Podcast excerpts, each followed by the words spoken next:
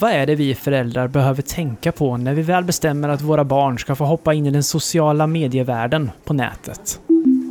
Och vad ska vi själva tänka på när vi väl lägger ut bilder på våra barn? Och hur funkar det här med åldersgränser på filmer? Det är något vi ska diskutera idag tillsammans med vår gäst Fredrik Odhammar.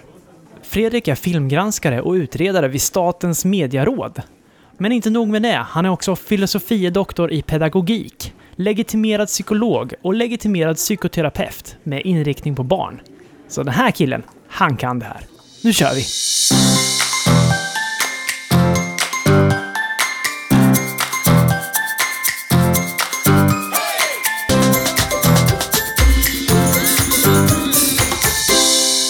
Ja, men då sitter vi här med vår gäst Fredrik Odhammar. Hur är läget med dig Fredrik? Jo, det är bra. Det är bra. Ja.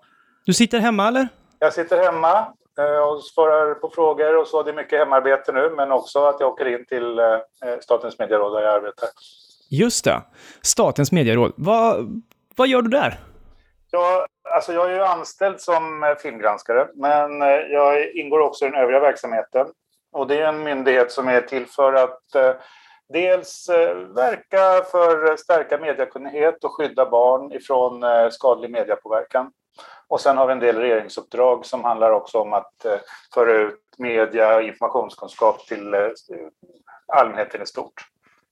Men framför allt så är det den här media för barn och unga och sen så just det här med att sätta åldersgränser för barn och unga för film som visas offentligt. De är 7, 11 och 15 år barntillåten. Just det. Du säger att du är filmgranskare. Tittar du då mycket på film och sätter en gräns på filmerna då? Är det, är det så det går till? Det är precis så går det till. Vi är två filmgranskare som tittar på varje film. All right. Vad bra.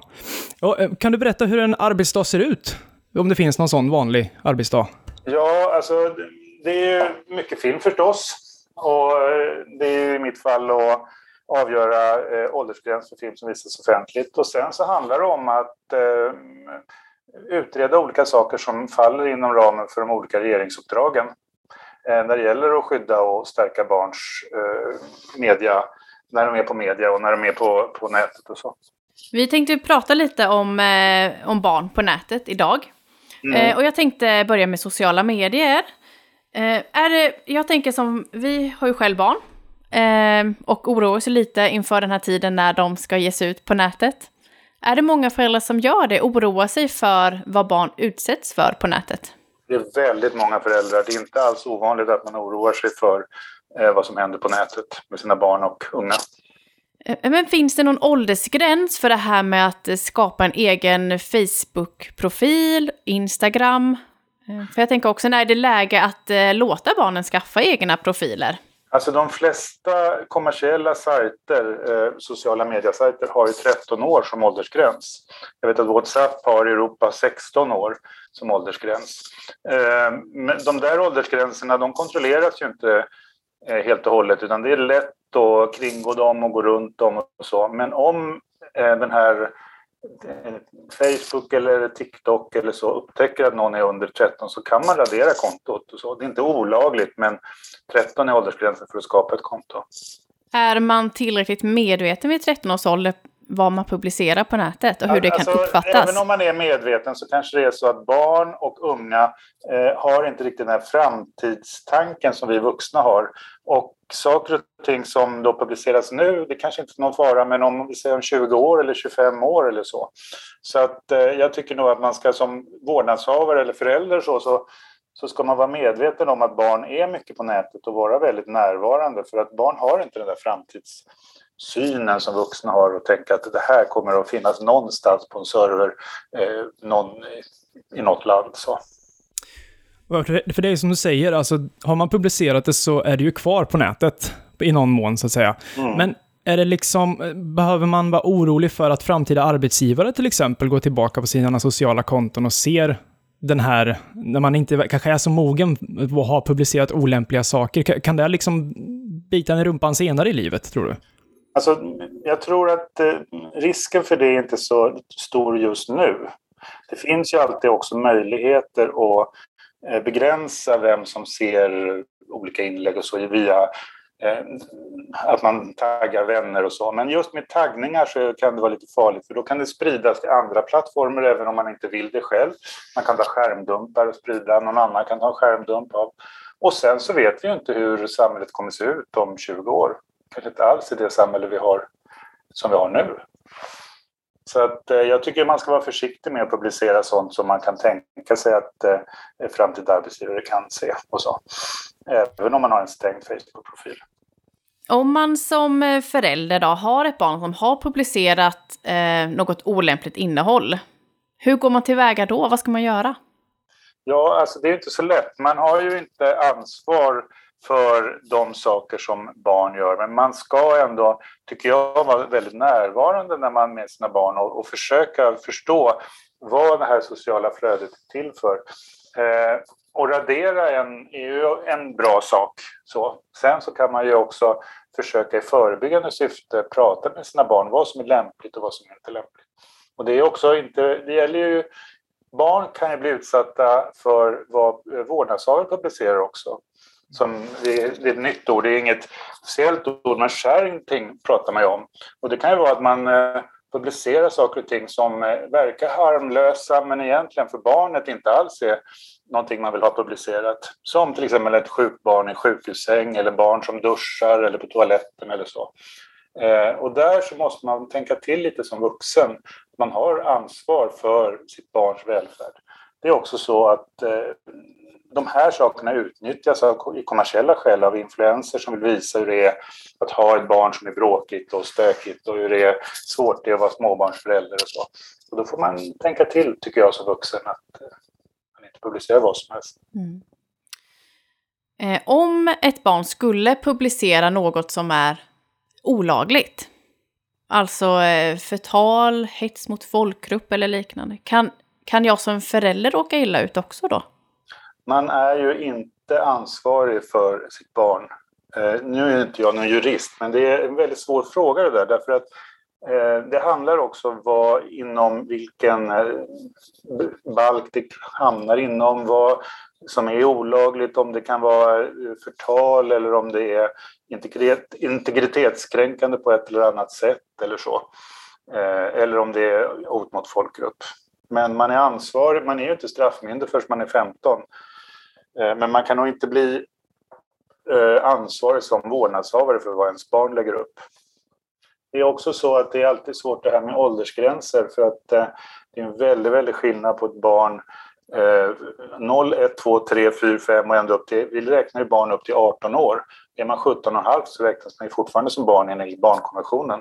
Men det är en helt annan sak att vara 18, eller 17,5 än att vara 6-7 år naturligtvis.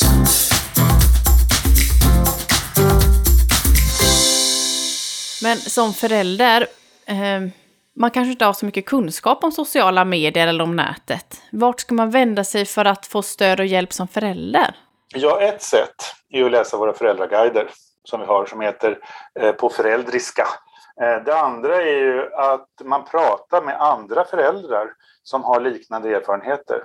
Eh, min erfarenhet är att man pratar alldeles för lite med andra föräldrar i skolan eller i närområdet, i det sociala nätverket och så. Sen kan man höra av sig till BRIS vuxentelefon som tar emot samtal eh, med vuxna. Eh, man kan höra av sig till Minds föräldratelefon, också ett annat exempel. De tar emot alla möjliga olika bekymmer man har, psykologiska, psykiatriska bekymmer, men också saker som har med sociala medier att göra. Men som barn då? Vad vänder man sig om man har en förälder som lägger ut bilder eller så? Där man inte vill ha med som tonåring till exempel. Om föräldrarna tar bilder och lägger ut. Jag tänker att det första man ska göra det är att prata med sin förälder. Mm. Och säga att det här är ingenting som jag vill att uh, visa. Och det är också så att med uh, nya förordningar så måste man fråga innan man lägger ut någonting på nätet. Uh, och det är ju så, det gäller ju vårdnadshavare eh, Eh, gentemot sina barn också. Och, eh, så att, eh, jag tycker man ska vara väldigt, väldigt försiktig med eh, att lägga ut saker och ting på sina barn. Eh, särskilt när de finns i situationer som man själv kanske inte tycker är så märkvärdiga, men eh, som då eh, barnet upplever som obehagliga och kan uppleva som obehagliga längre fram i livet.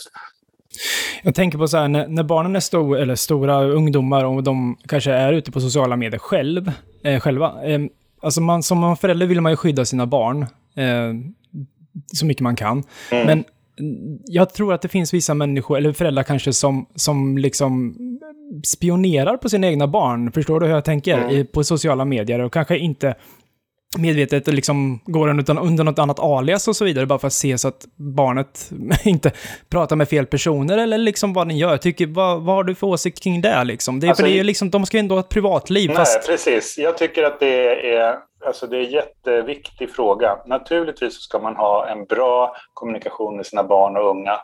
Eh, och, så. och eh, sociala medier de kan ju vara någonting som är någonting som inte är bra, men det kan också vara någonting som är väldigt bra. Man hamnar utanför, eh, om man inte är med så hamnar man utanför gänget, man får inte information och så vidare. Men att vara eh, smyga på sina barn och titta in eh, lite hemligt sådär, det är ju lite grann som att läsa barns dagbok. Mm. Eh, och att man måste vara försiktig med det, tänker jag. Att det inte är så att man är den där personen som gör intrång, för barnen har också rätt till sitt privatliv, unga. Eh, jo, men jag tänkte på det där med utanförskap som du pratade om. Eh, alltså har man lite som skyldighet också att hjälpa dem med introduktion och sociala medier, att det är ett sätt där barn och ungdomar ses idag? Ja, alltså det, det, är ju det är precis så. Att det är ju det sättet som barn och ungdomar träffas på. Och om man säger att barn sitter bara och tittar ner på sina mobiler så kan det ju vara så att det faktiskt är så att det är mer social interaktion än vad det var tidigare. Man har ständig kontakt med sina kompisar. För, eh, så att, eh, jag tror att det är väldigt viktigt att se. Det finns ingen, vad jag vet, forskning som säger att mycket eh, skärmtid eller vara för mycket på sociala medier leder till någon psykisk svårighet eller så. Men däremot ska man som förälder vara väldigt uppmärksam på om barnet Eh, börja isolera sig, minska sina psykiska aktivit fysiska aktiviteter, inte med kompisar, inte klara skolan, sover dåligt, äter dåligt och så vidare. Så därför är det nog viktigare att se vad, vad har den här eh, tiden på skärmtiden eller tiden på sociala medier, vad har den för funktion? Och eh, alltså det är många föräldrar som oroar sig för eh, ja, men det här med skärmen som du säger. Att de ägnar för mycket tid åt skärmen. Vad, vad tänker du om det? Vad är en normal tid då? Att, att umgås med vänner på sociala medier? Det går inte att säga. Alltså all skärmtid är inte likvärdig heller. Eh, det finns risker och fördelar och det beror på vad skärmen används till. Eh, därför tycker jag att man istället för skärmtid så kan man prata om enskilda aktiviteter. Och vad gör barnen på skärmen? Och vad används skärmen till? Är det för att isolera sig från en social interaktion eller från eh, familjen eller det sociala nätverket? Eller är det för att få kontakt? Så därför så tycker jag det är viktigt att fundera över vad är det, varför, varför är barnet på skärmen? Och varför, vad gör man där? Och då måste man vara närvarande som förälder. Det, det här med, med eh, den väldiga nätnärvaron. Eh, jag titt, när jag tittar på film till exempel så ser jag att den, det tas nästan alltid fram en smartphone oavsett var filmen kommer ifrån. Om den kommer från Borneos djungel eller Irans eh, eh där, i, landsbygd så finns det alltid telefon. Eh, så att lite grann så är det ju en experimentverkstad vad det kommer leda till i framtiden, den väldiga uppkopplingen som vi har. Eh, och då får vi se hur det, hur det antingen gynnar eller drabbar barn och unga. Men än så länge så har man inte hittat någon sån eh, orsak, verkan att väldigt mycket skärmtid gör att man mår psykiskt dåligt. Däremot så kan man tänka sig att det har, det har en korrelation. Det kan vi ju se. Och där gör ju Statens medieråd varje eh, tar fram ungar och media. Och där kan vi se att det har ökat väldigt mycket skärmtiden. Eh, det är också så att man oroar sig över vad som händer på nätet och så. Men vi kan inte se att eh, just skärmtiden leder till dålig, till dålig livsmiljö eller så. Det kan lika gärna vara åt andra hållet, att dålig eh, sociala kontakter, livsmiljö, eh, svår, psykiska svårigheter leder till mycket skärmtid. Mm. Så att det är svårt att säga vilket håll, vilken riktning orsak och verkan har. För det finns ju verktyg kring skärmtid som man liksom kan låsa ner de här enheterna, att du bara får använda i den här appen eller titta på det här en viss tid. Mm. Tycker du att man ska använda det eller ska man ha en diskussion med sitt barn istället? Liksom, det är svårt för för, som förälder att liksom veta vilket ben man ska stå på. Ska vi låsa ner eller ska vi liksom låta det, det flöda? Det är väldigt svårt. Och det är också så att all forskning är på gruppnivå. Mm. Därför måste man ta sitt eh, föräldraansvar, sitt vårdnadshavaransvar eh, på allvar och titta på det enskilda barnet och ungdomen. Eh, ser man att, att användningen av sociala medier till exempel går ut över annat i livet, då kanske man ska börja diskutera det här med att du ska bara använda det här ett visst antal, så du måste lämna paddan hemma när du åker buss eller så. Eh, men eh, om man märker att det här är till godo, ja då får man ju, eh, då kanske man inte behöver ha den här diskussionen. Mm. Så att det handlar hela tiden om att man, man som vårdnadshavare har ansvar för sitt eget barn och så. Så det är svårt att säga generellt att det ska vara fyra timmar eller fem timmar eller sex mm. timmar eller så, utan det får man ja, för, för, den, för den möjligheten finns ju liksom, att ja. man får använda YouTube i en halvtimme per dag eller en mm. timme så liksom. Ja, det är svårt.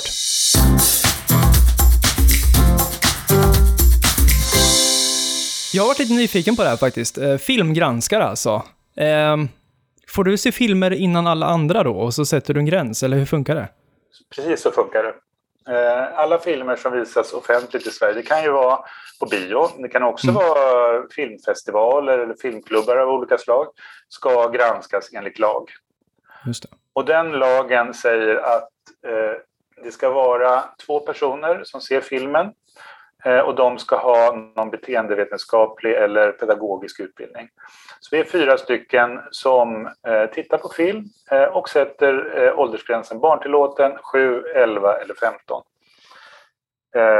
Och sen kan den då åldersgränsen överklagas till domstol, men det händer väldigt sällan. Någon gång per år. Och, och vad är skillnaden jag tänker så här, vad, vad ska... Hur tänker ni? Tänker ni våld eller liksom... Vad, vad, är, vad går gränsen mellan 7 och 11 tänker jag? För att det är ju ändå ganska nära. Det är liksom 7 och 18 är ju ändå en mm. ganska stor skillnad.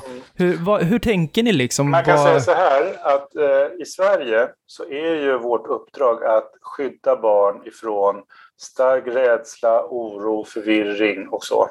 Medan i andra länder så är Eh, kan det vara så att det är de som granskar film är, tittar mer på den moraliska aspekten? Svordomar, sexualitet, eh, droger och så vidare. Eh, I vårt fall så är det så att gränsen går kring den bedömning som vi gör att barn far illa av att se. Att de blundar, vill gå ut eller så. Eh, I Sverige så finns ju också något som heter ledsagarregeln. Och det är ju att om man har en vuxen, och då tänker man väl kanske vårdnadshavare då, som är eh, över 18, så får man gå på en film som är, vi har skattat som 15, eh, från och med man är 11 och, och från och med och så vidare. Är man 11 så, eh, eh 11 om vi sätter 11-årsgräns så är gränsen 7 som man får gå med en vuxen. Så. Mm. Ehm, för då tänker man att då, då går ansvaret ifrån staten, myndigheten, över till den vuxna vårdnadshavaren. Eller den mm. vuxna personen kan det ju också vara, men eh, oftast är det vårdnadshavare. Då tänker jag på reklamfilm. Mm. Om det är en reklamfilm som är våldsam, får den visas mitt på dagen när det går eh, ja, program för yngre? Eh, alltså, ja, för barn och så. Reklamfilmer granskas ju inte. Däremot så Nej. granskas alla trailers mm. som kommer. Och det kommer ju alltid en, två, tre trailer för de stora filmerna i alla fall. Innan. Och de granskas och sätts en åldersgräns på. Så att det inte ska vara så att ett barn ser, uh, går och ska, ska gå och se Alfons-filmen till exempel. Och sen så kommer trailern och den är jätteskrämmande innan för någon mm. annan film. Men på tv kan de välja fritt då, alltså tv-bolaget? Har, ja, samhället har inga som helst eh, ansvar för tv och de eh, streamingtjänster som finns eh, när det gäller filmer, utan det är bara sån film som är eh, på offentligt visat. Så det kanske är någonting också man behöver tänka på när barn är på sociala medier eller på nätet, att eh, de kan ju se eh, trailers där eller reklamfilm som inte är lämpligt innehåll för den åldersgrupp de befinner sig i. Så kan det absolut vara. Vi, vi gör också, eh, har, vi filmgranskare har barnpaneler där vi då visar en film. Eh, om vi satt en 11-årsgräns så visar vi det kanske för 10 eller 9-åringar så frågar vi rätt eh, satt gräns? Och då ser vi ju att den film de tittar på när det gäller biograffilm är ju en liten del av den film som de Eh, konsumerar. Och eh, ibland så är det så att om de ser något riktigt läskigt på bio så går de hem och ser något eh, romantiskt eller så på tv eller någon serie för att eh, det lugnar ner sig eller det var så läskigt eller så. Så att eh, det är intressant att fundera kring det där. Vad, vad, vad, vi gör med medieutbudet när vi har en så stor del som är strömningstjänster och så stor del som är skärm. Sen är det ju så att det finns åldersgränser där också. Men det är branschen själva som sätter den åldersgränsen. Så. Ja, för jag bara går tillbaka till mig själv. Liksom. Våran, när våran femåring vill titta på någonting på, säg Netflix, då, mm. då kanske man hamnar i en, i en, film som är sju år, fast hon är fem år. Förstår du? Mm. Eh, och, eh, liksom de här gränserna, tror du att man tänker mycket på dem, framförallt på streamingtjänster, för där är det ju bara så här, man ser ju egentligen bara ett omslag på filmen och bara den vill jag se. Um, så, så ser man ju bara de här åldersgränserna lite snabbt i början när filmen börjar liksom. Mm. Har du någon slags känsla för att de där följs eller liksom? Jag tror inte de följs när det gäller Nej. hemmiljö. Så. Och där är det också så att eh, vi, när vi sätter åldersgränser så sätter vi det generellt för vi tror att barn i, låt oss säga 11-årsåldern, eh, blir rädda för eller så. Eh, sen så kan det ju vara så att när man sitter hemma med sin eh, femåring eller sjuåring, en del kanske blir jätterädda för saker och ting, medan andra blir inte det. Och då har man ju som vårdnadshavare ansvar för det. Eh, så att eh, det där att bara sätta på och sen så råkar ens barn vara med, det, det kan ju leda till att de ser för saker som är alldeles för svåra för dem att se. Sen är det väldigt svårt att veta vad som är läskigt. Eh, när, I en bok så var det en valrossen eh, i Pingu var det läskigaste som några hade sett när vi läste en bok som var skriven från Amerika. Och det, det är inte så lätt att veta kanske som förälder att det kommer att vara läskigt. Nej. Eh, SVT har ju Sommarlovsmorgon med Sommarskuggan. Mm. Eh, och Sommarskuggan är ju antingen eller antingen är barn jätterädda för Sommarskuggan eller så älskar de Sommarskuggan. Eh, har vi ju märkt bland kompisar och så till vår femåring. Eh, så jag tror de till och med tagit fram någon någon spray som man kan spraya i rummet eh, så sommarskuggan inte kan gå in där. Eh, som tur var så älskar ju våran i alla fall sommarskuggan så det går bra.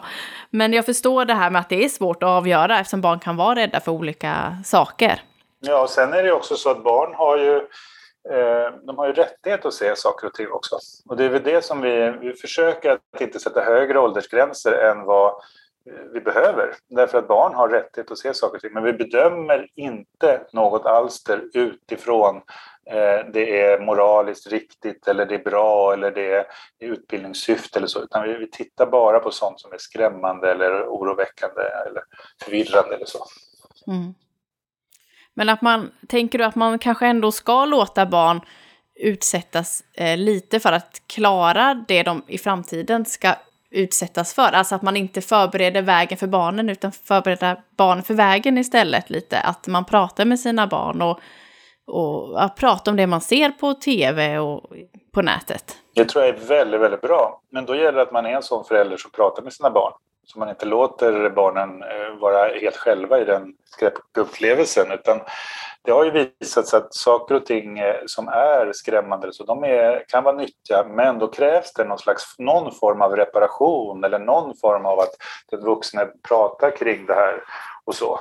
Så att eh, det, det är ett mycket ett vuxenansvar. Och så. Mm. Men jag tror inte det är farligt för barn att se svåra saker på tv om det då finns en närvarande person, vuxen person där. Så.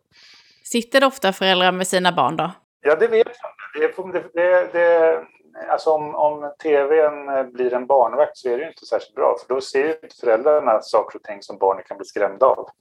Man kan inte, och då får man ju hoppas att barnet tar upp det själv. Det är inte alltid det är så utan man kanske behöver prata med barnet om det som är skrämmande.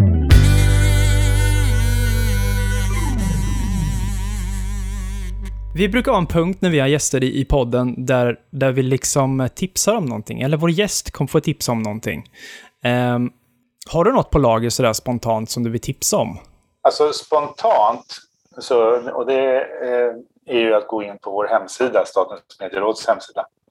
Det är ju ett tips som, eh, där finns ju mycket att läsa kring just de här frågorna som ni har tagit upp. Och också tankar kring vad som är skadligt för barn och vad som är bra för barn och eh, också på ett språk som varje förälder kan förstå. Eh, och det finns många olika rapporter att hämta där. Bra. Kanon! Och Fredrik, tack så jättemycket för att du ville medverka i vår podd Digitala familjen. Mm, vad roligt!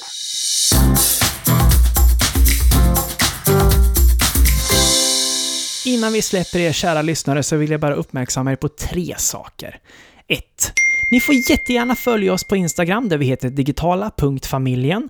Där kommer vi släppa lite videoguider och lite information när vi släpper nästa avsnitt och sånt. Den länken hittar ni i beskrivningen i vanlig ordning. Nummer två. Ni får jättegärna lämna ett betyg och en kommentar i Apple Podcaster. Ni vet den här lilla lila ikonen som ni har på er iPhone eller iPad eller på er ja, Mac då. Och gör ni det så kommer vi komma högre upp i kategorin och då är det fler som hittar oss. Det blir kanon. Och för det, för det tredje och sista. Lyssnar du via Spotify så går det även där faktiskt att lämna ett betyg i form av lite stjärnor. Så det får du jättegärna göra om du skulle lyssna där. Men nu eh, knyter vi ihop den här säcken och kör ett outro så hörs vi snart igen. Ha det bra!